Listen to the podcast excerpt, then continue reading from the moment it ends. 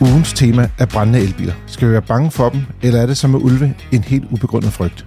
Ugens bil er Tesla Model 3. Den får 6 stjerner, men er den også perfekt? Og så runder vi som altid af med jeres lytterspørgsmål. Velkommen til Frigir, din podcast om biler og livet som bilist. Mit navn det er Carsten Lemke, og jeg er testkører her i FDM, og med mig i studiet har jeg i dag... Jeg er Bajci, tekniker i FDM's rådgivning. Og Dennis Lange, som er chefkonsulent her i huset. Og som gerne vil starte med nyhederne. Ja, det kan jeg sagtens. Øhm, som aldrig set før har jeg taget en parkeringsnyhed med, øhm, men en lidt anden, end det nødvendigvis plejer at være. Øh, det handler om, at... Øhm, oh, hvordan skal vi næsten starte på den her? Det er en sejr. Det er en sejr. Og sejren er, at der er udsigt til, at øh, parkeringspladserne ude i det ganske danske land bliver en lille smule bredere, og dermed nemmere at komme ind og ud af og så videre. Øh, det, det handler om, det er, at øh, Vejdirektoratet har udgivet et nyt sæt anbefalinger til, hvordan man indretter øh, parkeringsarealer, herunder også, hvor brede øh, p-bose skal være. I en årrække, der har anbefalingen hed 2,5 meter. Nu har man ikke mindst efter, jeg vil lige vil sige, i pres fra, fra vores side, altså fra FDM's side, har man så hævet den her anbefaling til 2,60 meter og 60 øh, mindst i øvrigt. Øh, og det lyder måske ikke så meget, de her 10 cm, altså fra 2,5 til 2,60 meter men i praksis, så gør det en ret stor forskel derude. Det gør om, at du rent faktisk kan få bilen relativt nemt ind og ud af båsen, og måske lige så vigtigt, du kan relativt nemt komme ind og ud af bilen, og så du har fået bilen mast ind i båsen. Øhm, og det betyder selvfølgelig, at det bliver nemmere, men det betyder også, at der er færre parkeringsskader, der er færre påkørsler, færre øh, døre, der bliver øh, ved sådan noget, smækket op i, i nabobilen osv. Så, videre. så det er, det er rigtig fint, og det er vi selvfølgelig super glade for. Det betyder ikke, at i morgen så er der øh, alle p-båse rettet. Øhm, det vil nok i praksis betyde, at alle kommunale p-pladser, der bliver etableret fra nu af, følger den her anbefaling. Øhm, de private er knap så bundet af den her anbefaling, men de bør jo følge den også, uanset hvad. Øhm, det, er jo sådan, det handler om, at bilerne bliver større sådan over overrækken. Derfor skal båsen også følge med, hvis tingene skal give mening. Ja, man kan sige, at bilerne er vokset i alle, alle ender, leder og kanter. Jeg ved ikke, ja. forleden dag, jeg var ude og gå en tur øh, med hunden og fruen, og øh, der øh, så vi en gammel garage, Mm. Og så siger hun, hvad kan der komme derind? altså, det var måske bygget i 30'erne eller 40'erne eller sådan noget. Ja. Altså, det var bygget til biler, som var så små og smalle, at jamen, i dag, der er det jo, du kan knap nok få sådan en af de der cykler, med, skal man sige, hvor børnene kan sidde foran. Jeg ved ikke, hvad det er. Ladcykel. Ladcykler, ja, godt. Ja. Yes, um, not my turf. uh, hvad er det? Men det var bare for at sige, uh, der er i hvert fald ikke plads til en bil. Nej, jamen, der, der er sket meget, og det er der også uh, de senere år. Så derfor så er det kun godt, at uh, Bose nu også har fået et, et nyk op af. Vi øh, talte for nogle, nogle uger siden omkring, at man skulle have vinterhjul på, og det håber jeg, at folk selvfølgelig har fået. Jeg har skiftet til helårsdæk. Hvad med dig? Jeg har også, øh, jeg tror det er 14 dage siden, jeg satte øh, okay. vinterhjul på begge biler. Super. Hvad med dig, altså? Jeg har også øh, skiftet til vinterhjul. Og du er ærlig nu? Helt ja, ja, 100 procent. Jeg fik drengene til at hjælpe mig, så de skal også lære Ej, at skifte hjul selv. Fedt. Selvfølgelig. Ja, ja. Øhm, men der er altså stadig nogen, der kører på sommerhjul. Hvis man selv vil skifte sin øh, hjul, så har vi faktisk en, øh, en guide ind på vores hjemmeside til, hvordan man gør det. Hvis man øh, ikke føler sig tryg ved at gøre det, så skal man selvfølgelig lade være. Men den her guide, den fortæller sådan, hvad, hvad man skal gøre, øh, når det er, man skal have sin, øh, sin vinterhjul på. De ting, man skal forberede sig med, det er øh, blandt andet at have det rigtige udstyr. Det vil sige en dundkraft, en værkstedsdundkraft helst, og ikke en sakse dundkraft. Fordi og, og bare ligesom partesmærkning, for jeg har nemlig for nogle år siden investeret i en værkstedsdundkraft. Ja. Det er jo 40 gange nemmere at få bilen op. Du kan jo nærmest gøre det med to fingre, kan du pumpe bilen op, hvor Lige dine sakse ting, der skal du ja. skal trods alt det kræfter i. Ja, og, og, og jeg har jo skruet biler i en del år, og også øh, dengang jeg var meget ung, og sådan en saksedundkraft, den, den øh, løfter jo bilens vægt på en meget lille overflade. Mm. Og øh, nogle gange så er asfalten rigtig varm om sommeren, og så den der dundkraft, den, den synker ned i jorden, samtidig med, at man, øh, man løfter bilen. Ja. Øh, og det, det kan faktisk være ganske farligt. Så, så det man også skal sikre sig, selvfølgelig er vi på, et, på en anden tid af, af, af året, hvor at, at asfalten ikke smelter, øh, eller er blød. Øh, men man skal sikre sig, at det underlag, man, man nu løfter, øh, eller som, som dundkraften den står på, at det er et fast underlag. Øh, så skal og, man, og plant vil også i øvrigt for det. Ja, lige ja. præcis, sådan, så bilen ikke ruller. Øhm, så, så det handler om at, at, at sikre sig, at, at hvad kan man sige, at, at det, inden man går i gang, at man, man har de her ting, øh, blandt andet en momentnøgle, en dundkraft, øh, og også mulighed for at, at fylde noget luft i dækkene, øh, hvis de skulle trænge. En god idé er at, at kigge på, på hjulene visuelt, altså på dækkene og, og fælgene visuelt, og se om der er mange sten i osv. Det kan, det kan skabe ubalance i hjulene og på, på bagsiden af fælgen, hvis navet det er beskidt, øh, så rens det af øh, med, med noget sandpapir, øh, øh, inden, man, øh, inden man sætter hjulet på, sådan så at, at man har nogle rene anlægsflader. Øh, og så handler det om at finde ud af, hvor meget øh, hjulet skal spændes, altså det moment, som hjulet skal spændes, og gerne have en ordentlig momentnøgle, øh, som, som fungerer, øh, og så spænde det op.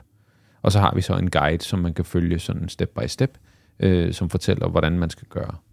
Jeg, jeg elsker at købe ting og sager, øh, sådan udstyr især. Øh, så jeg synes også, det der med momentnøgler, der er ret stor forskel på dem. Mm. Vi har for os for, jeg tror det er sådan 15 år siden, lavet en artikel med nogen fra Teknologisk Institut, mm. og der var ret stor forskel på, hvor gode de egentlig var, hvor præcise sådan nogle momentnøgler egentlig, skal man sige, var. Mm. Og så prøvede jeg også, øh, fordi de havde, når de skal kalibrere de her momentnøgler, mm. øh, det, det der, hvor man ligesom tester, om de er gode eller dårlige momentnøgler, det er at bruge sådan en kalibreringsværktøj for, for Teknologisk Institut. Så fik jeg også en, der var spændt helt op, og så skulle jeg så spænde, sagde, nu, nu skal du spænde det, du tror, der er mm. 100 Nm for eksempel, at man mm. kan slet ikke ramme. Altså, det er helt Nej. svært. Så det der med at bruge en momentnøgle, det er faktisk ekstremt vigtigt. Mm. Så det er nok noget af det vigtigste værktøj. Også, skulle jeg sige, selv man vælger en dårlig en, så det er næsten bedre end at, at prøve at spænde selv, fordi man kan ikke rigtig spænde en, ensartet selv. Nej, man skal ikke sjusse sig frem, og man skal ikke op og stå på, på en krydsnøgle eller momentnøgle. Det, eller, eller bare noget værktøj, så, så man skal spænde efter moment, øh, ellers så øde, risikerer man at ødelægge øh, mere end, end de penge, man har sparet ved selv at gøre det. Så, så hvis ikke man har udstyret og ikke vil investere i det eller bruge tid på det, så besøg dit værksted for dem til at gøre det. Jeg så her forleden dag en bil, der holdt øh, på tre hjul, mm-hmm. hvor der var et hjul, der ikke var øh, spændt ordentligt fast. Mm. Det er jo, men jeg har set det en gang tidligere, så altså to gange har jeg set en bil, hvor der er, at hjulet er, løbet af, fordi folk de har glemt at spænde bolden det hele taget. Mm. Så de har bare ligesom øh, håndfæstnet dem, og så ser det jo pænt ud, og du kan køre lidt tid, mm. og så lige pludselig løsner boldene sig, og så ryger det hele lortet af. Ja. Altså, og så står bilen jo nede på næsen, eller øh, ja, nede på bagenden, så at sige. Er det ikke så smart? Har I set det før? Jeg havde en lærling engang, som var ude og prøve at køre, som blev overhalet af, af et baghjul, som i, i den bil, han selv kørte i. Så øh, det, kan, det kan desværre godt ske, ja. Min nyhed øh, i den her uge, det er sådan en lidt en nyhed fra sidste uge, øh, som vi så trækker tilbage. Øh, det er Tesla, som øh, viser, øh, fra vi optog til vi er udkom med vores podcast, der øh, fjernede de simpelthen det ekstremt gode tilbud, de havde på øh, leasing af Tesla Model Y. Mm. Og det vil sige, at det, øh, det, det er nu blevet en ikke-nyhed. Det vil sige, nu er det blevet skal man sige, dyre. Det er stedet med 700 kroner om måneden, deres tilbud, så øh, nu koster øh, næsten 4500 om måneden, plus en, en opstart på 15.000.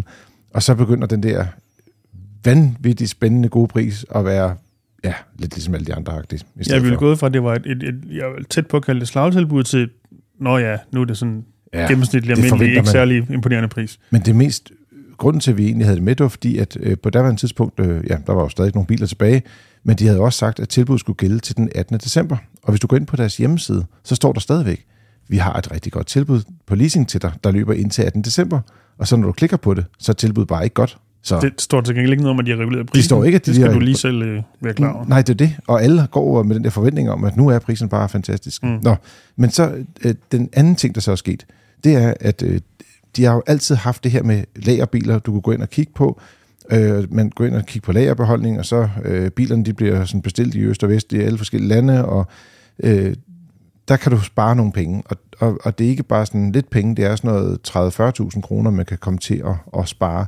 Så øh, jeg vil sige, hvis man overvejer at hoppe i Tesla, og man er sikker på, at det er den rigtige bil for en, så er det dumt ikke at tjekke, om lige præcis den variant, man godt kunne tænke sig at købe, den rent faktisk er på skal man sige, tilbud, eller den ligger som en lagerbeholdning.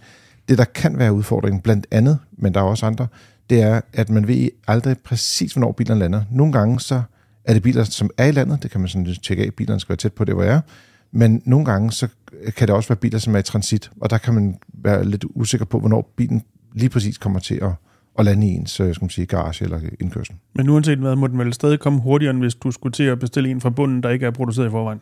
Altså, så ja, allerede er på vej. Mange, spørgsmålet er, jamen det er der nok nogen, der gør. Det er rigtigt. Ja, den må, den må være i transit et eller andet sted. Jamen det er det, mener. Men der ja. er bare ikke dato på. Ja. Så det, det, det ved du, nu nu prøver jeg lige at være juristen. Man skal jo vide, hvad for en dag det er, man får bilen. jo, jo, jo, bevares. Men jeg tænker, hvis du bestiller en, de ikke har produceret, så er jeg heller ikke sikker på, at du nødvendigvis får en specifik dato til at starte med. Nej, det er der også en sandsynlighed for. Ja. Så kan man få den med farve, i stedet for at få den i hvid. Mm. Det kan faktisk godt svare sig. Øh, jeg er lige en, i, i, i, i talende stund, der er inde, øh, og der er faktisk nogle gode tilbud på nogle biler med farve på. Det er der også. Ja. Der er også nogle med farve på. Ja, lige præcis. Tesla nu i farver. Ja, Tesla nu i farver, sådan, Uh, så det var man kan få dem i, Red. I, Ja. i, i rød og Men, i men og så er man jo ikke lige så unik som alle de andre. Hvad siger du? Så så er man jo ikke lige så unik som alle de andre. Øh, som har hvid Tesla. Model Y? Hvad er det, jeg vil sige, det der er fordelen ved at vælge den hvide, øh, det er selvfølgelig, den er lidt billigere. Øh, og to, så kan man jo vælge at få få den folieret, og så kan man være mere unik end de Mm. andre. Mm. Eller Men, mindre. men fordi der, er mange, der, har der, fået- der er i hvert fald gode penge at spare øh, på, på de hvide blandt andet. Der, Ja, og jeg synes, det er lidt sjovt, ikke? fordi man har jo altid talt om det her med, øh, nå, men når, når det er, at øh, du ikke kan gå ud til forhandleren, Mm.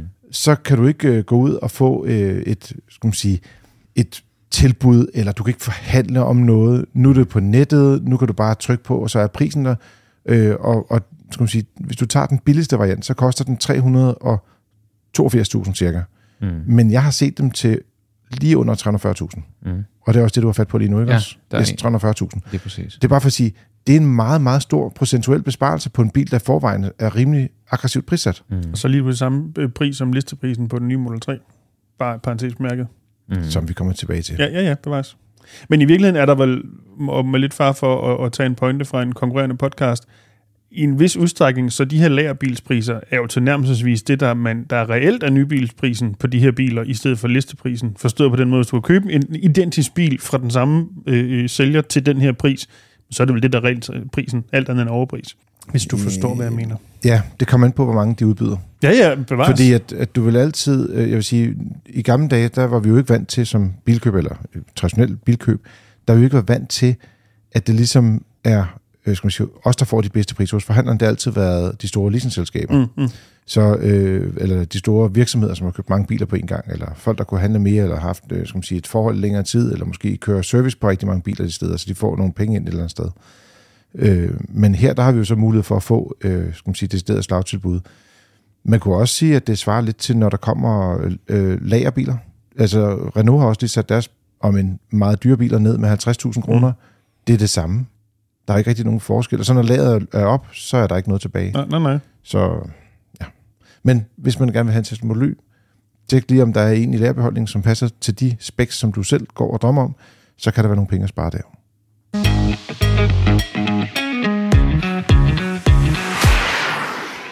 Ugens tema, det er brændende elbiler, og vi har en større artikel ude på vores øh, hjemmeside fdm.dk, hvor du kan gå ind og læse om det derinde. Jeg synes, øh, det der er, vi tager bare lige på highlights, og så kan vi tælle lidt omkring vores øh, egen frygt for biler, der brænder. Øh, men jeg vil sige, antallet af brænde per 10.000 el- og hybridbiler, det er fra 2019 og til 2022 faldet fra 4,2 til 1,1. Og jeg tænker lidt, altså i 2019, generelt set også for almindelige biler, det var også sådan noget med 5,3, altså, og det er så faldet til lidt under 4. Bare for at have tallene sådan lidt i, i rundetal, så man kan forholde sig til det. Ikke? Så mm. det ene er faldet fra 4 til 1, den anden er faldet fra, ja, skal man sige, fra, fra godt 5 til lige under 4.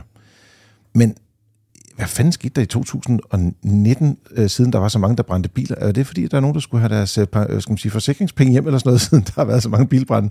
Det er lidt spøjst, ikke? Men uanset hvad, hvis man tager tallene fra sidste år, øh, jamen så er der øh, næsten fire gange så mange øh, traditionelle biler, der har brændt per 10.000 biler i forhold til el- og hybridbiler. Ja, og det står jo meget, meget stærkt kontrast til den der øh, generelle, øh, øh, hvad skal vi sige, fordom, man hører især på, øh, hvad skal vi kalde det, Facebook-kommentarsporene. Om elbilerne brænder hele tiden, og jeg skal ikke have en elbil, for den brænder, og bla bla bla. Nej, nej altså, din benzin- og dieselbil, dieselbil statistisk set er mere risikobetonet til at brænde, end din elbil er. Og så er der to supplerende oplysninger fra udlandet, som jeg vil drage ind. Mm. Direkte fra Ritzau kommer her. Nej, det passer ikke. Oppe i Norge, øh, der har de jo rigtig mange elbiler. Og øh, dermed har de jo også dermed et meget bedre basis for at kunne udtale sig omkring, som siger, sandsynligheden for, øh, at der, der går ild i de her biler. Og deroppe, der har de registreret halvt så mange brænde i elbiler, som vi har i Danmark. Så det vil sige, dem, der har endnu flere elbiler, de har rent faktisk færre brænde per 10.000 biler. Mm. Og den anden ting, det er, at det, som vi alle sammen frygter, det er, at batteriet det brænder. Fordi det er der, vi ser den store skal man sige, neds- nedsmeltning. Altså det er der, hvor branden bare bliver, kan blive ved og ved Mm, og ved, ja. hvis det er lithium Mm. Men det er faktisk kun i hver femte elbilsbrand, at der går ild i selve batteriet. Det synes jeg også er interessant. Så for det første brænder de markant mindre end andre biler, benzin- og dieselbiler. Men derudover, når de så endelig brænder, så er det kun hver femte, hvor der er, der rent faktisk går ind i det, som vi alle sammen er bange for. Fordi at der er ild i et interiør eller nogle andre steder i bilen, okay, det er ærgerligt, der kan komme lidt røg, og øh, ja, det kan være, at bilen bliver totalt skadet, men det, det, det skaber jo ikke den store kaos og panik. Nej, det, det adskiller sig jo, altså, når det ikke er batteriet, der brænder i elbilen, så adskiller det sig jo isoleret set ikke fra brand i en benzin- eller dieselbil, hvis det er i interiøret, eller hvad pokker nu måtte brænde. Altså det, om det er på en eller anden bil, i den kontekst, fuldstændig ligegyldigt. Samme brand. Der er i Danmark registreret øh, inden for de seneste par år 76 øh, elbilsbrænde. Mm. Også bare lige for at sætte det lidt i perspektiv. Det er ikke så mange. Øh, der er nogle af dem, hvor man ikke har registreret præcis, hvad der er sket. Øh, jeg tror simpelthen, det er fordi, det er nogle af de første. Det er før, de sådan blev opmærksom på, at de skulle finde ud af, hvad var årsagen til det. Blandt de sidste 35 biler, der er det fordelt i, i nogle øh, kategorier. Og det, der skal man sige, det primære årsag, øh, det er 18 af dem, det er simpelthen formodet, øh, skal man sige, øh, at man har sendt ild til bilen for at... Altså, det, folk tror, at, at de ligesom påsat prøver... Brand. Påsat brand. Ja. Ja, ja, godt. Tak. Tak, herr jurist. Tre af dem kommer fra færdselsuheld. Øh, otte af dem, det er brandspredning, det vil sige, det kommer fra et, et andet sted. Øh, og så er der kun fire af dem, som kommer fra, fra opladning. Altså, hvor der er det startet. Og det er jo lidt interessant, fordi jeg ved ikke, om I hørte om, øh, der var noget her i sommeren øh, 2023, hvor der var en bil op i Hirtshals, der var øh, skal man sige, gået øh, brand i, i forbindelse med opladningen. Mm. Øh, men ja. Det kostede også et hus. Det kostede også et hus. Og det kunne have kostet liv, ikke?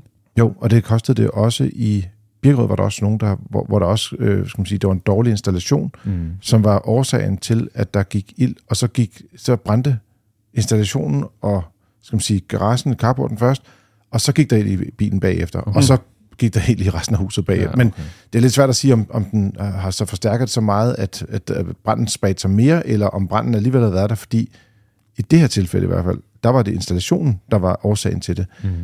Der, der, der taler skal man sige, myndighederne også om, eller beredskabsstyrelsen også om, at, at man skal være sikker på, at man har en lovlig installation. Mm. Og jeg, jeg ved, at nogle af dem, jeg får, øh, som spørger, hey, kan jeg ikke lige, øh, du ved, bør man lige have fat på en elektriker? Mm. Kan vi ikke bare lige trække en ledning?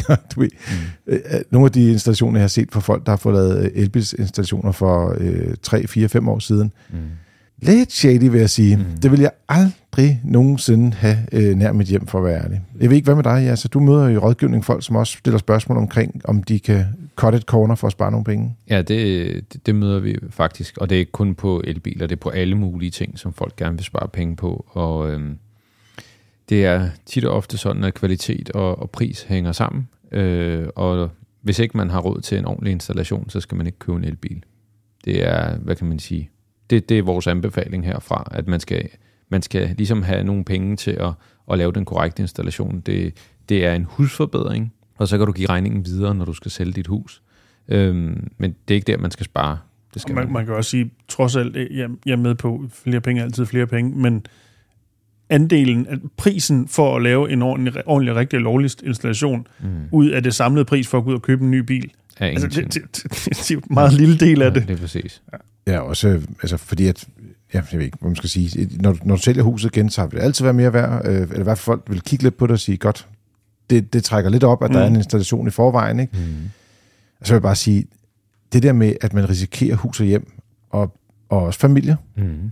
hvis det er, at du laver en ulovlig installation, som, hvor der er, der bryder brand i, eller der kommer, altså det, det er jo ikke engang sikkert, at, at ilden som sagt kommer ind i bilen. Det kan være, at det bare, så at sige, siger, bare af resten af hytten, der, fytter, der futter af. Ikke? Mm. Det vil jo være forfærdeligt. Mm. Også arvestykker og alt muligt andet, hvad man nu har i sit hjem. Ja, og så kan det også godt være, at man øh, pludselig står i en situation, hvor forsikringsselskabet heller ikke vil dække, og det er næsten, øh, det er næsten lige så slemt, ikke? at du har et hus. Øh, oh, som, ulovlig installation. Ja, lige præcis. Og så står man øh, med, med nogle, med nogle økonomiske, hvad kan man sige, en, en økonomisk katastrofe, øh, fordi man ikke kan få noget dækket, fordi man skulle spare nogle penge. Så der hvad man gør det, det, det, det kan ikke svare sig. Men bottom line er, øh, man skal faktisk ikke være helt så nervøs for det her brænde i elbiler, og når man taler med myndighederne, så er de heller ikke super øh, bange for dem. Der er nogle sjove cases, øh, der var blandt andet øh, det her store skib med øh, skal man sige, øh, biler, som der brød brand i, hvor der var sådan headlines overalt. Ah, det var elbiler, der brænder, elbiler, der brænder. Øh, det viser, øh, da de kom i havn, der var der en øh, elbil, der var brændt ud af, jeg mener, der var 500, der var øh, på skibet i alt. Øh, og man har ikke endeligt fundet ud af, hvor det stammer fra, men det er i hvert fald ikke sådan, at de siger, at det var fra elbilen, det startede. Mm. Altså den, den, var, den konklusion kom ikke ud af det. Øh, jeg, tro, jeg tror, at øh, der er et øh, stort forsikringsspørgsmål, der gør, at øh, sådan en rapport trækker lidt ud, fordi der, der er virkelig mange penge, der er på spil, når der, der brænder øh, så mange biler, som der skete på det her tilfælde. Men som sagt, sandsynligheden for, at elbilen er, den, er årsagen til, at branden opstår, den er mindre. Og man kan også sige, jeg tror, ja, så det vil du også sige, at hvis du tager en ældre bil, hvor det er, den er slidt, og der, altså, mekanikken ikke er spritny, mm. så vil risikoen for en eller anden form for gnist eller brand være større, end hvis du tager en spritny bil. Altså. Ja, altså det, der, der kan altid... Øh, altså, jeg vil sige, jeg har været i branchen i mange år, og jeg har aldrig fået en bil ind på værkstedet, som er brændt. Øh, men vi havde selvfølgelig nogle biler, hvor der var, der var ildspåsættelse og, og så videre, ikke? Men decideret, at en bil er gået i brand af sig selv, øh, det har jeg aldrig oplevet. Jeg ved godt, der har været nogle sager med, med ABS-blokke, og, og der var nogle biler, der ikke måtte komme ombord på færger og så videre. Det er som regel øh, det, der er årsagen. Altså, det er en, en, en produktionsfejl, eller en, en, noget, der er underdimensioneret, eller noget, man ikke lige har tænkt over i produktionen, men, men det er ikke Altså det er ikke hverdagskost, at der går ild i en bil, hverken på et højvoldsbatteri eller på resten af bilen. Det, det, det plejer det altså ikke at være sådan. Til tingene er som regel, øh, hvad kan man sige, sikringer og så videre, er underdimensioneret, sådan så at hvis der sker noget, så er der en sikring, der springer. Hellere mm. det, end at, at der sker noget andet, at mm. der går ild i bilen og så videre. Ikke? Det vi måske bare sådan for en god undskyld skal nævne, det er jo, når så elbilen brænder, eller måske mere specifikt, når batteriet i elbilen brænder. Mm. Så selve branden er mere, skal vi kalde det alvorlig, eller, eller øh, sværere at slukke, end hvis det var en benzin- eller dieselbil, fordi det her kemi i batteriet øh, altså går mok, hvis man kan tillade sig at bruge det udtryk. Mm. Øh, men, men selv der er det jo også, du var også lidt inde på det, Carsten, øh, Beredskabsstyrelsen, altså brandfolkene rundt omkring, de er jo trænet til det her, de har specielt øh, udstyr til at håndtere det, så, så Altså, det skal tages seriøst, og man skal for eksempel ikke stå inde under røgen fra en, øh, uanset, om, uanset hvilken bil, der brænder, skal man lade være. Men, men, men, men brandvæsenet, de har styr på det her. De, mm. de ved, hvordan de skal håndtere det. Øh, jeg kunne se det seneste, som der også er kommet til. Øh, noget af det første var det her store balje vand, som de kunne sælge en, en elbil ned i for at, at øh, hvad sådan noget, øh, containe øh, branden. Mm. Øh, men nu har de også fået et, et spyd, de kan skyde ind i batteriet, som så øh, smider vand ind i batteriet, og dermed meget hurtigere slukker det. Øhm, så altså, der sker jo hele tiden udvikling på det, men, men brandvæsenet, de er kompetente til at klare den her slags brand også. Det er også smartere at lægge vand ind i batterikassen, end at lægge hele bilen i vand. Ja, jo, absolut. Hvis man skal være sådan lidt vandbesparende i et eller andet omfang. Ja, jeg vil sige, i tilfælde af brand, så synes jeg ikke, det er så vigtigt at spare på vandet nødvendigvis. Der skal bruges det, der er nødvendigt. Men, men du har ret. Nå, nej, det er bare mere effektivt, for det er der ja, ja, udfordringen er. Og, med, og problemet med det der batteri, det er, at man kan jo ikke rigtig slukke det. Det bliver ved med, selvom der er vand på, og stadigvæk at brænde, men du kan måske holde varmen nede. Og det, det, jeg tror, det er det, som man, man prøver at gøre. Og så venter man på, at branden stopper ind ja. i batteriet. Fordi det kan ikke, du kan ikke putte vand på et batteri, og så stopper det med at brænde. Det, det er jo det, det der er udfordringen. Ja, du kan heller ikke kvæle ilden, fordi den ilter sig selv. Den ilter sig selv, ja. nemlig. Og så, der er jo så stadigvæk forskel på, hvad for et batteri det er. Ikke? Sådan, bare lige for, vi har jo snakket om de her LFP-batterier ja. i, i tusind gange. De er i hvert fald ikke, som jeg har forstået, de er ikke så slemme til at lave det her, hvor de selv ø- ø- går amok Lige ja. præcis, ja. Altså, på papiret er de ikke, nej. Det er de ikke. Øh, men altså, det, det, det er ikke så stort et problem, mm. som, som det er på de sociale medier. som så mange andre ting, var jeg ja. lige ved at sige. Nå, men apropos sociale medier, så kommer vi til ugens bil.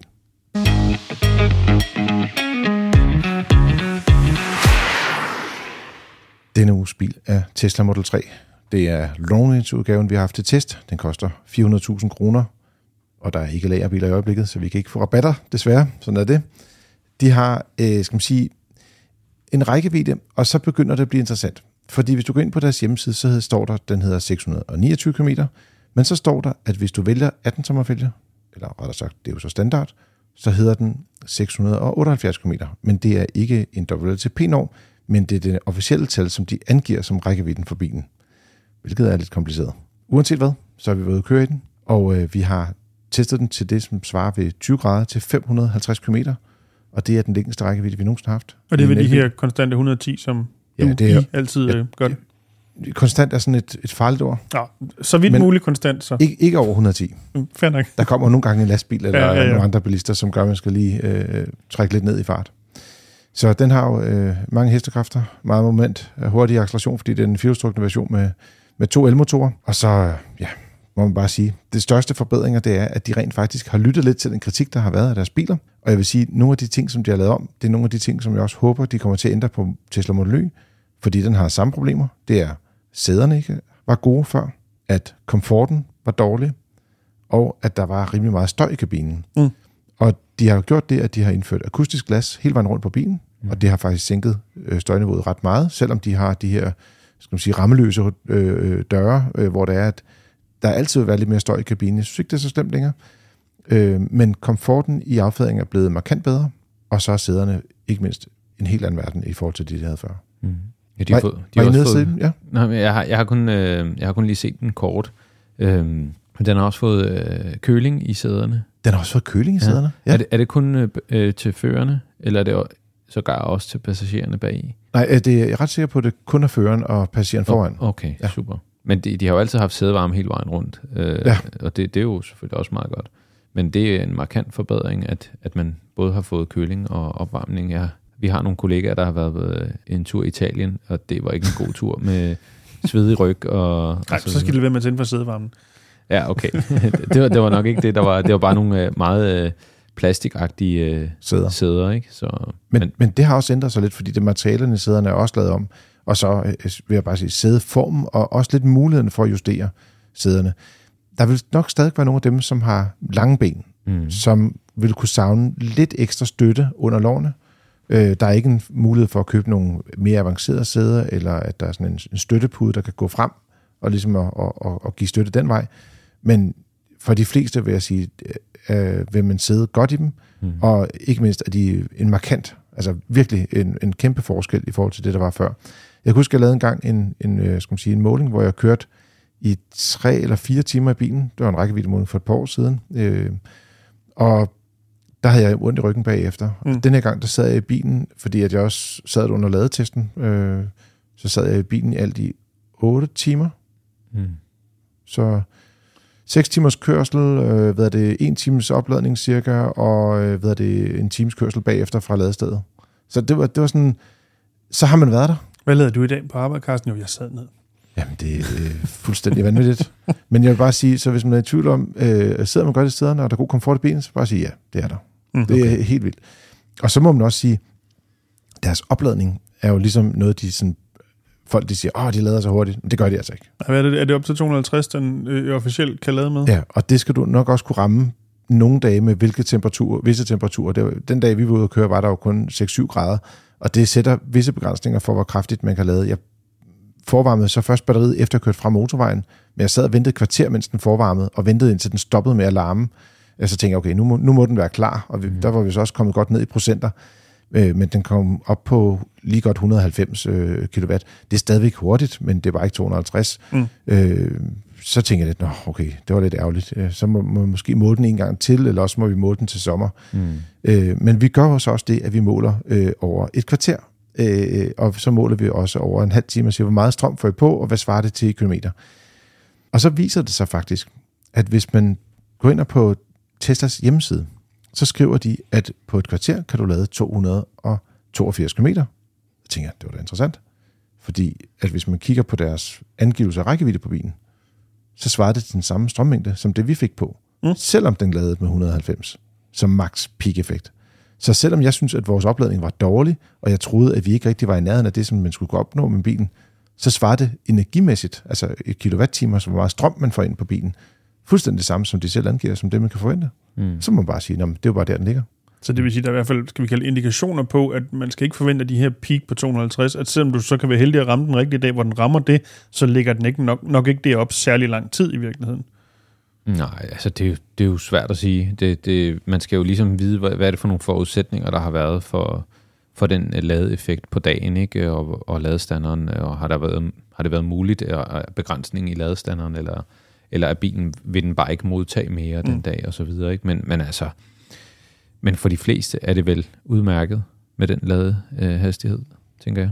I den grad. Altså, det er også derfor, at øh, jeg sad lige og kiggede på det og tænkte, okay, på en sommerdag vil man i hvert fald runde 500 km på 110 km i timen.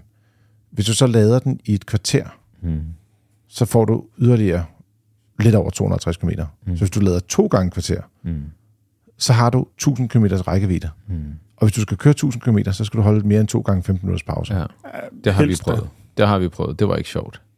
Jamen, vi holdt endda længere pauser. Ja, men, altså, men dengang. det, Det, det, og det var endda næsten også for lidt. Ja, ja, altså, det var bare for at det- sige, at det var helt vildt, ikke? Mm.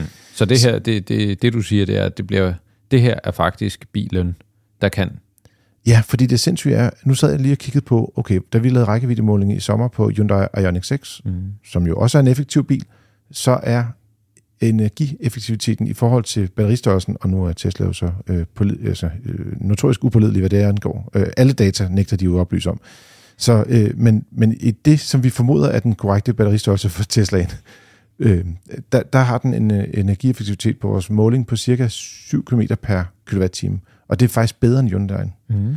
Og hvor stort batteriet er, er et godt spørgsmål. Mm. Fordi det er der ikke rigtig nogen, der rigtig ægte, ægte ved. Men vores kolleger hos ADAC, de har angivet det til netto at være 79 kWh. Mm. Og øh, jeg har set andre steder, de siger, at det er 75 kWh netto.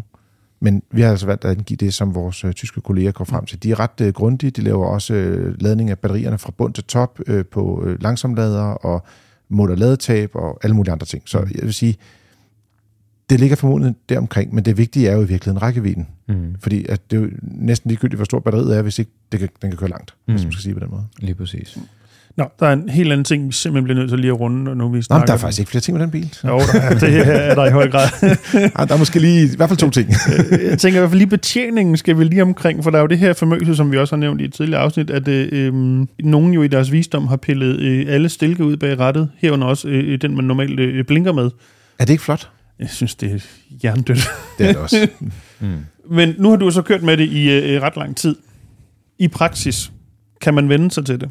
Ja, men det, men det, men det er ikke optimalt. Nej. Det er det ikke. Og, og det er jo det her, hvor der, i stedet for, der sidder knapper på rettet, og i stedet for er det Ferrari, mm. bare lige for at lave en mærkelig sammenligning, som også i en eller anden men, model har en, en, en, du blinker til højre på en knap på højre side af rettet, og modsat blinker til venstre på en knap på venstre side. I det her tilfælde, der sidder begge knapperne til venstre. Ja, og i Ferrari'en er knapperne meget markante, og de er nemmere at finde på rettet. Øh, de, øh, det, er jo for, det er jo Formel 1 folk, mm. de har jo det der med, at tingene skal være nemmere at se og betjene, selvom du rent faktisk kører. Du skal ikke kigge ned for at finde det. Nej, og, og der skal man søge lidt mere, når du har sådan et stilistisk design og stramt øh, look, som man kører med hos øh, Tesla. Og jeg vil sige, det der med, at de har valgt at have begge knapper i venstre side, mm. øh, det synes jeg er, er meget uheldigt, øh, og det kræver noget tilvænding. Når man ligger og kører til hverdag, så er det ok, så længe at man ikke kommer hen til en rundkørsel mm. vil jeg sige. Men det er klart, det tager noget tid at vende sig til, og det er, jeg tror også, der vil være nogen, der ikke kan, vil kunne vende sig til det, for at være ærlig. Og, og derfor er det også en ting, som jeg vil sige, det skal man, man skal ud og køre sådan en bil her, før man ender med at købe den. Men det kan også være svært at vente sig til på en halv time, bare for at sige det. Altså det er jo det er næsten umuligt at finde ud af. Men man skal være meget teknologi-omstillingsparat, når man vælger Tesla generelt set. De har altid været langt fremme med sådan nogle ting, som ikke nogen nøgle til bilen, ikke nogen startknap, ikke nogen stopknap. mm. altså øh, ja. ikke noget speedometer i deres Model 3 og Model Y. Altså øh, det ligger inde i en skærm, og du har ikke nogen instrumenter og sådan nogle ting. Der er mange ting, som er anderledes, som man ligesom må acceptere at gå ind i det økosystem, som det hedder, øh, øh, her er en anden måde at have en bil på. Ja. Øh, men der er jo også en anden ting, de har gjort. De har jo også fjernet gearvælgeren. Det er rigtigt. Det vil sige, der er faktisk en gearvælger, men den sidder op ved haveriknappen øh, oppe i taget. Øh, og du kan ikke sådan, så du har fundet en hemmelighed, jeg sagt? Eller hvad sådan? Ja, ja, ja. Men, men så, det, det skal der være. Øh, det er jo sådan, at øh, der er to ting, øh, man skal, der skal være en gearvælger, noget fysisk, man kan trykke på, fordi hvis nu trykskærmen går i stykker, mm. så har touch-funktionen ikke. Nej, og det er der, hvor den ellers normalt eller til daglig, eller du kaldt. Som udgangspunkt ligger gearvælgeren. Ja. ja. Så som udgangspunkt, så er det sådan, at når du kommer ned ved en øh, lav hastighed, og jeg kan ikke lige definere det 100%, fordi at også fokus på, hvad der sker rundt omkring mm. bilen, men det vil, jeg skyder på det under 10 km i eller under 5 km i I det, i det leje, så, kommer der, så skubber skærmen så en lille smule til højre, og så helt ud til venstre, så kommer der sådan en stribe, hvor du ligesom kan vælge at swipe opad for at køre frem, eller swipe nedad for at køre tilbage. Og det er en ret lang stribe. Mm. Den er bare, jeg, jeg kunne godt tænke mig, at den var lidt mere bred, så den var nemmere at ramme, mm. sådan, uden at kigge, hvis man skal sige på den måde. Du kan, du, du kan altid lægge, lægge øh, hånden over og ramme skærmen, og så kan du ligesom swipe op og ned langs med den, men, men det kunne være fedt, hvis den havde været lidt bredere, så havde mm. det været lidt nemmere at ramme. Øh, det fungerer faktisk ok. Men den der mærkelige øh, gearvælge, de har oppe i loftet, den tror jeg, at der er mange, der aldrig nogensinde finder ud af at eksistere i bilen. Måske for det vide, når de køber bilen, så glemmer det igen bagefter. Mm. Den, den øh, kræver også, øh, den tager lidt længere tid at betjene, vil jeg sige. Den, den, er, den er til nogle, nogle situationer. Ja. Øh, og så er der nogle ting, som er lidt, det er der, hvor Tesla bare er underlig anderledes i forhold til alle andre bilmærker i rundtal. Men hvorfor er det, de også gør det? Jeg tror, de, jeg tror, de har, altså nu, det er en tese. Jeg tror, de har tænkt, de har tænkt videre. For eksempel, hvis du sætter dig ind i bilen, og du holder op ad en mur, og du sætter dig ind i den og trykker på bremsen, der er jo ikke nogen startknap, så starter bilen op, så siger den tryk på bremsen igen, for at få sætte bilen i bakgear. Så løfter du foden, sætter den på bremsen, og så kan du trykke på speederen og køre tilbage. Mm. Jeg vil bare sige, det er altså nemmere, end at finde en gearvælger og trykke to gange på bremsen. Det er det. Ja, Dennis. jo. Ja, Mit, bud, bare, mit bud tager nok sikkert det samme tid, men ja, ja. de, de fleste gange, du sætter dig ind, så er den bare stå i køre fremad. Og hvis du skal køre fremad, så kører du bare fremad. Mm.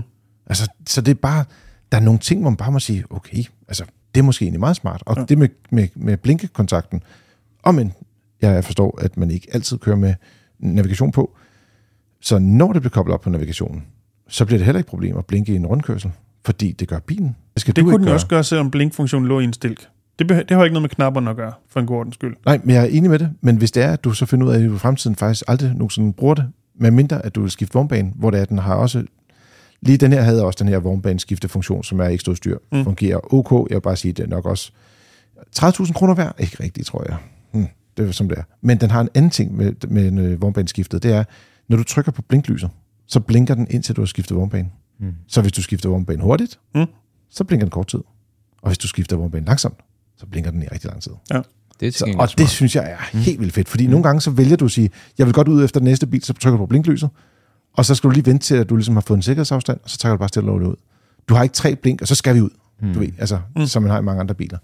Tendensen til genialt, Mm. vil jeg sige. Men, men det er jo også, øh, er det ikke bare Tesla i en nødskal? Altså, Det er nogle det. ting er gale, og nogle ting er geniale. Ja. Og øh, Jeg, jeg giver vel det egentlig, det, det, det har jeg egentlig relativt også lavet med. Jeg har heller ikke helt samme Det lærer man øh, også. Jeg vil sige, følelse omkring den- gearvælger, som i hvert fald Karsten har. Øh, men det her med blinkbetjening, og man har fjernet stilken, jeg synes simpelthen, det er grundlæggende idiotisk. Jeg forstår ikke, og jeg synes ikke, det burde være sådan, at de der helt fuldstændig basale funktioner kø- mm. til at køre bil, som vi alle sammen kan på ryggraden, og ikke behøver at kigge nogen steder hen for at betjene, for eksempel blinklyset, det skal bare være, virker, det skal være, så, så alle kan sætte sig ind i bilen og køre. Øhm, det kommer til at give nogle og trafiksikkerhedsmæssige udfordringer, det her. Især hvis du ikke er vant til at køre bilen. Og det er jo ikke, altså, nogle gange låner du bilen ud, eller har ikke kørt bilen i en måned, fordi du har en anden bil, eller hvad ved jeg. Altså, Men det gør også, at folk ikke blinker. Ja, så er, Det vi, kommer til, det til så er vi tilbage ved det trafiksikkerhedsmæssige Ja, issue. jeg er ikke? enig. Jamen, jeg er enig, hvad er det, at du... Øh, typisk vil det så være, at de trækker ud, før du regner med det i en rundkørsel. Øh, men, men, men derudover, så vil jeg sige, det er ikke bedre, Nej. nej, og så er det. altså, Ja. det, Men, det, det, men jeg vil også sige, det er et minus. sted at spare. Ja. Altså helt ærligt. Jo, det er men det så, forkerte. jeg ved ikke, om Det, jeg har, her de har før. puttet akustiske glas i bilen, ikke? og en skærm på, til, til dem, der sidder på bagsædet. Præcis. Hvis det her Og- virkelig handler om at spare penge for, for en skide, undskyld mig, stilk, så sætter man ikke en, en skærm om på bagsædet. Altså, det, Jamen, så var det synes- der, man skulle spare, hvis, hvis det var det, det handlede om. Mhm. Altså, jeg synes faktisk, det er nok det mest overflødige, der er overhovedet er kommet i den bil. Jeg skærm på Der er bagsædet. kommet en 8-tommer skærm på bagsædet, det vil sige på bagsædet, hvor sæderne jo også er blevet bedre, men man stadig sidder dårligt, fordi at, ja, man sidder meget langt tæt på gulvet, og der er god lofthøjde, men der er ikke så god. Man sidder lidt mærkeligt med benene. Man kan ikke rigtig få fødderne ind under forsæden, hvis de er sat langt ned, og sådan nogle Mm. mm. ting. Stadig det samme. Men så er det den her skærm, der sidder mellem sæderne. Ja, det er dernede, hvor man kan sige, på visse andre biler, der vi har været øh, hvad sådan noget, udluftningsdyser. Ja, ja, præcis. Den er 8 tommer. Den har Twitch, Disney+, Plus, YouTube, og så har jeg sikkert glemt det der Netflix, tror jeg, den sidste var. Mm. Med andre ord, det, det er skabt til børn. Ikke? Ja. Det er som det er. Man kan dog også se øh, FDM's videoer på YouTube, hvis det er. Men ligesom vil indoktrinere sine børn i den verden, og det er de selvfølgelig meget velkommen til at gøre, øh, øh, kære lytter. Men skærmen er 8 tommer. Jeg ved ikke, om I kan forestille jer, hvis man sådan øh, havde øh, kunne holde sin mobiltelefon med fødderne, og så Mm. strakte kroppen alt, hvad man kunne, og så kan se, hvor lille skærmen så bliver. Ja.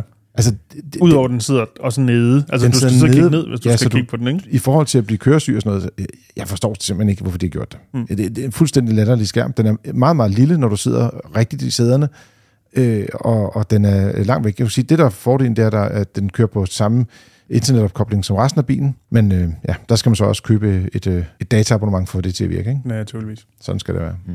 Ja. Men om ikke andet, et par nickels, men også nogle virkelig klare forbedringer. Hvis man skal ud og have en bil, skal vi også lytte på, Tesla har et ladenetværk, der også i Danmark, men også i Europa især, øh, er kæmpe stort. Så hvis du skal køre langt, så er den bedste løsning lige nu, lige præcis den her Tesla Model 3 Long Range, hvor du får meget lang rækkevidde.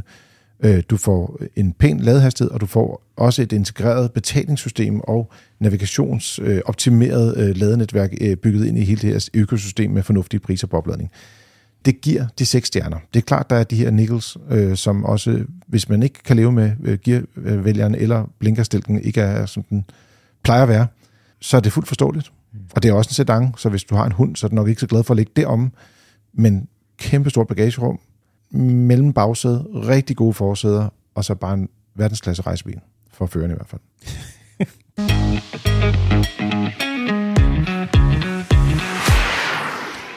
Nu er det tid til lytterspørgsmål, og vi har fået et fra Michael. Han skriver, tak for en god podcast, som jeg hører til og fra arbejde i afsnit 256. Det er et par uger siden. Der svarede på et spørgsmål vedrørende sporing og afbalancering af hjul, eller retter spørgsmålet gik nok mest på sporing, men I nævnte også afbalancering. Og så siger han, så glemte vi at tale videre om afbalancering. Så det har han så et spørgsmål om, fordi at han har selvfølgelig, han skifter selv jul, sommer og vinter, det er jo det, det vi har talt om i dag også. Mm. Hvis man ikke har nået det nu, så er det ved at være på tide.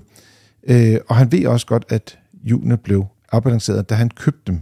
Men han vil bare vide, er det vigtigt, at man afbalancerer de her hjul løbende, eller er det nok ligesom at afbalancere dem, når han skal have nye dæk på de gamle fælge? Ja, så vi er i dit univers. Mm, ja. Jamen, kan, altså, du, kan, du, kan du hjælpe, Michael? Ja, det kan jeg i hvert fald. Øhm, det er vigtigt at afbalancere nye øh, dæk på fælge. Øh, eller hvis man får skiftet en fæld, eller hvis man får skiftet et dæk. Så når der kommer nye komponenter på, på bilen, så skal man afbalancere som minimum.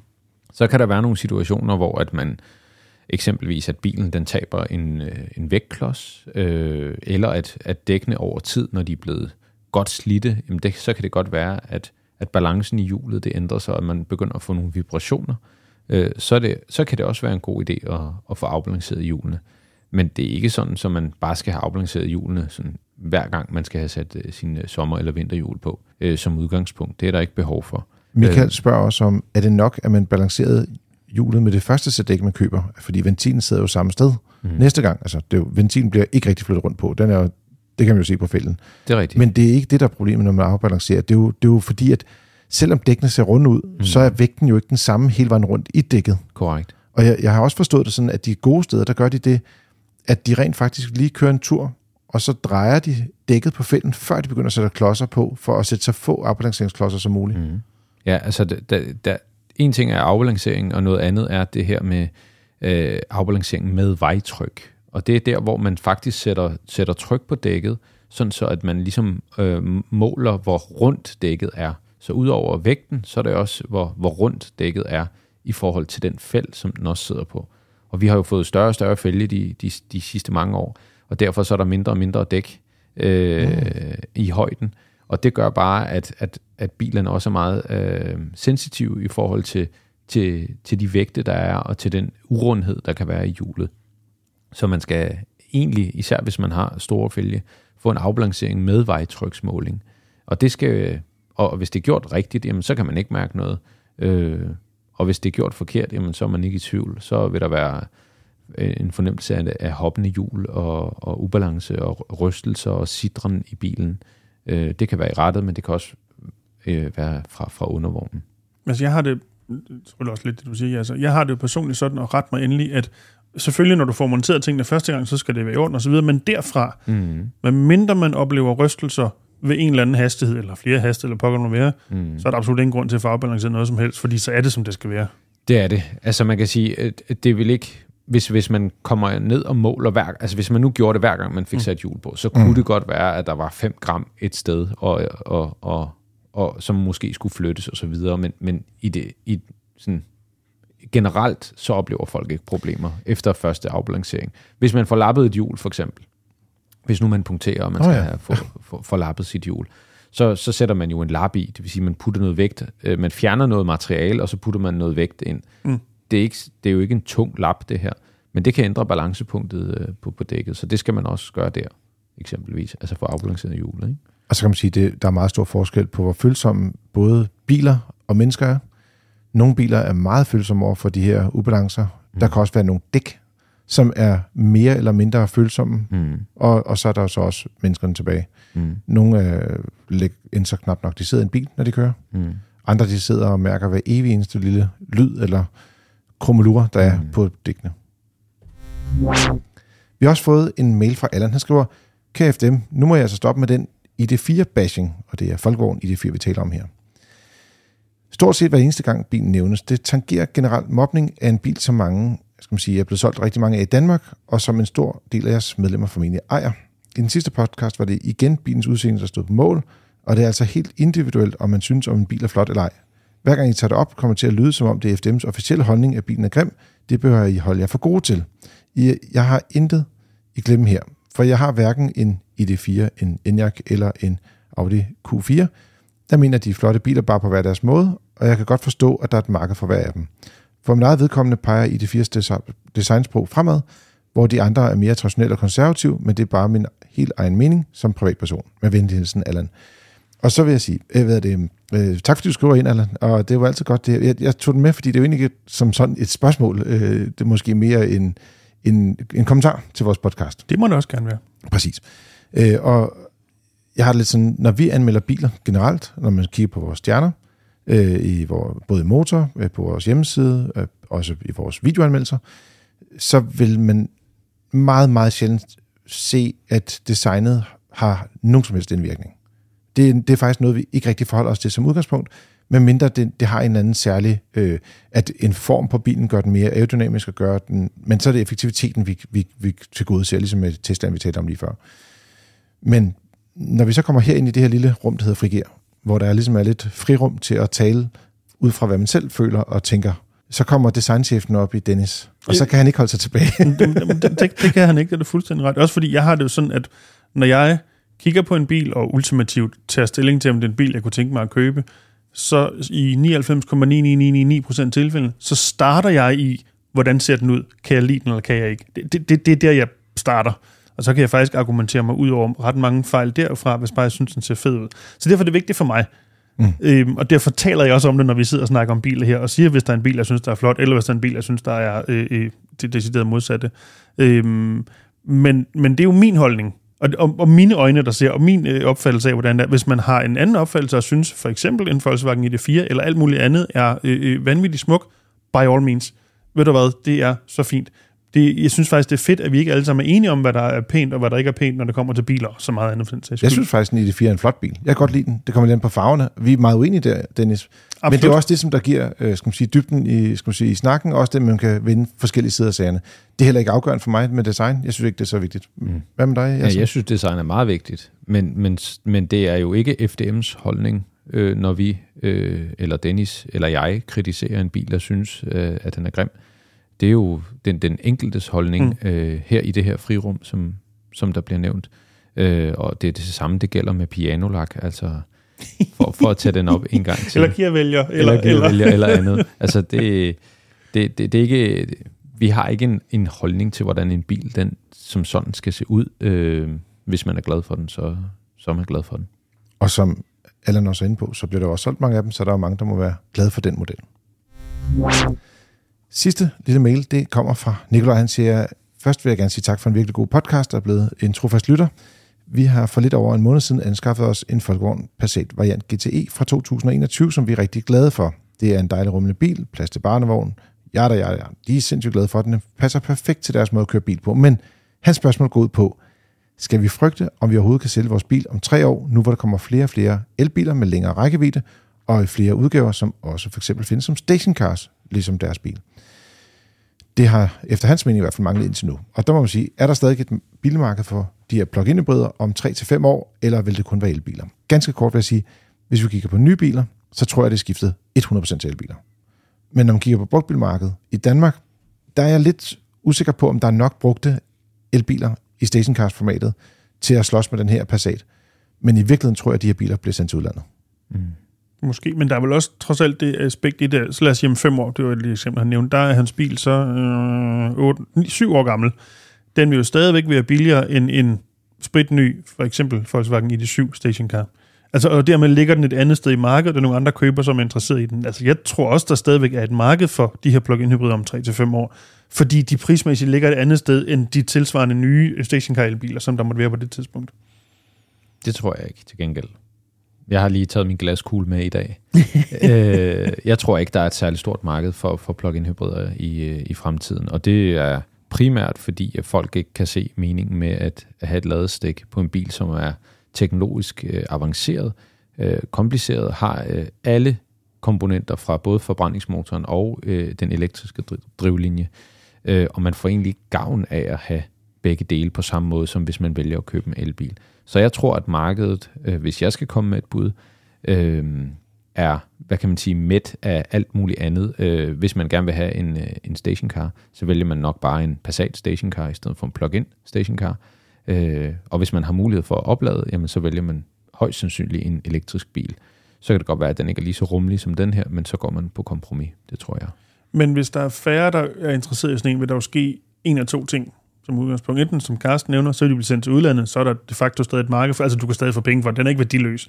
Alternativt, så er der jo så nogle øh, brugvognsforældre, der har dem stående og ikke rigtig komme af med dem, så bliver de sat ned i pris, og så er der alligevel lige pludselig nogen, der er interesseret i dem, fordi så kan du gøre en god handel, til trods for, at det er en plug-in hybrid, uanset om du vil have en plug-in hybrid eller ej. Det og så er der stadigvæk et marked for dem. Det kan sagtens være, øh, og det er jo et spørgsmål om, hvad, hvordan folk de ligesom anskuer tingene, når de skal have øh, sådan en bil her, fordi jeg tror også, der er noget økonomi i det, øh, også på den lange bane. Altså, det er billigere at køre i en elbil. Mm, øh, ja, ja. Jamen, det er bare ikke alle markeder, der er lige så langt fremme, og jeg tror, hvis vi siger 3-5 år, hvad er der sket i Danmark på 3-5 år på elbiler? Åh, oh, vi er kommet langt, men vi er ikke kommet rigtig, rigtig langt. Der er rigtig mange der andre markeder i Europa. Altså, vi er, øh, lad os sige, 6 millioner ud af 400 millioner mennesker øh, i Europa. Der, der kommer til at være, øh, skal man sige, sydtysker, som stadig vil være glade for at købe en Passat stationcar om 3-5 år. Der vil være folk i Frankrig, eller i Spanien, eller måske i Italien, øh, som siger, ved eller, du hvad, folk... for den sags skyld i Polen eller Rumænien, mm. eller til den side. Mm. Altså, det... Men det er også det, vi ser med Hvis de tjener mange penge, ja, for det er jo mere, hvis han skal have ja, god pris for sin bil, ja, ja, så jeg tror, at de andre markeder der er nok lidt flere penge i, så øh, det, det kunne være der, at øh, bilen kunne komme hen øh, og få sit, sit andet eller tredje liv. Det var Frigge for den her gang. Lyt med igen i næste uge, hvor Dennis, Jasser og jeg, vi legner ugens nyheder, tema og bil op, og så svarer vi som altid på jeres spørgsmål. Husk, at alle artikler er tilgængelige på fdm.dk, du kan også tilmelde dig til FDM's nyhedsbrev samme sted, hvor du både kan læse om biler og nyheder om livet som bilist. Tak fordi du lyttede med denne gang, og god tur derude.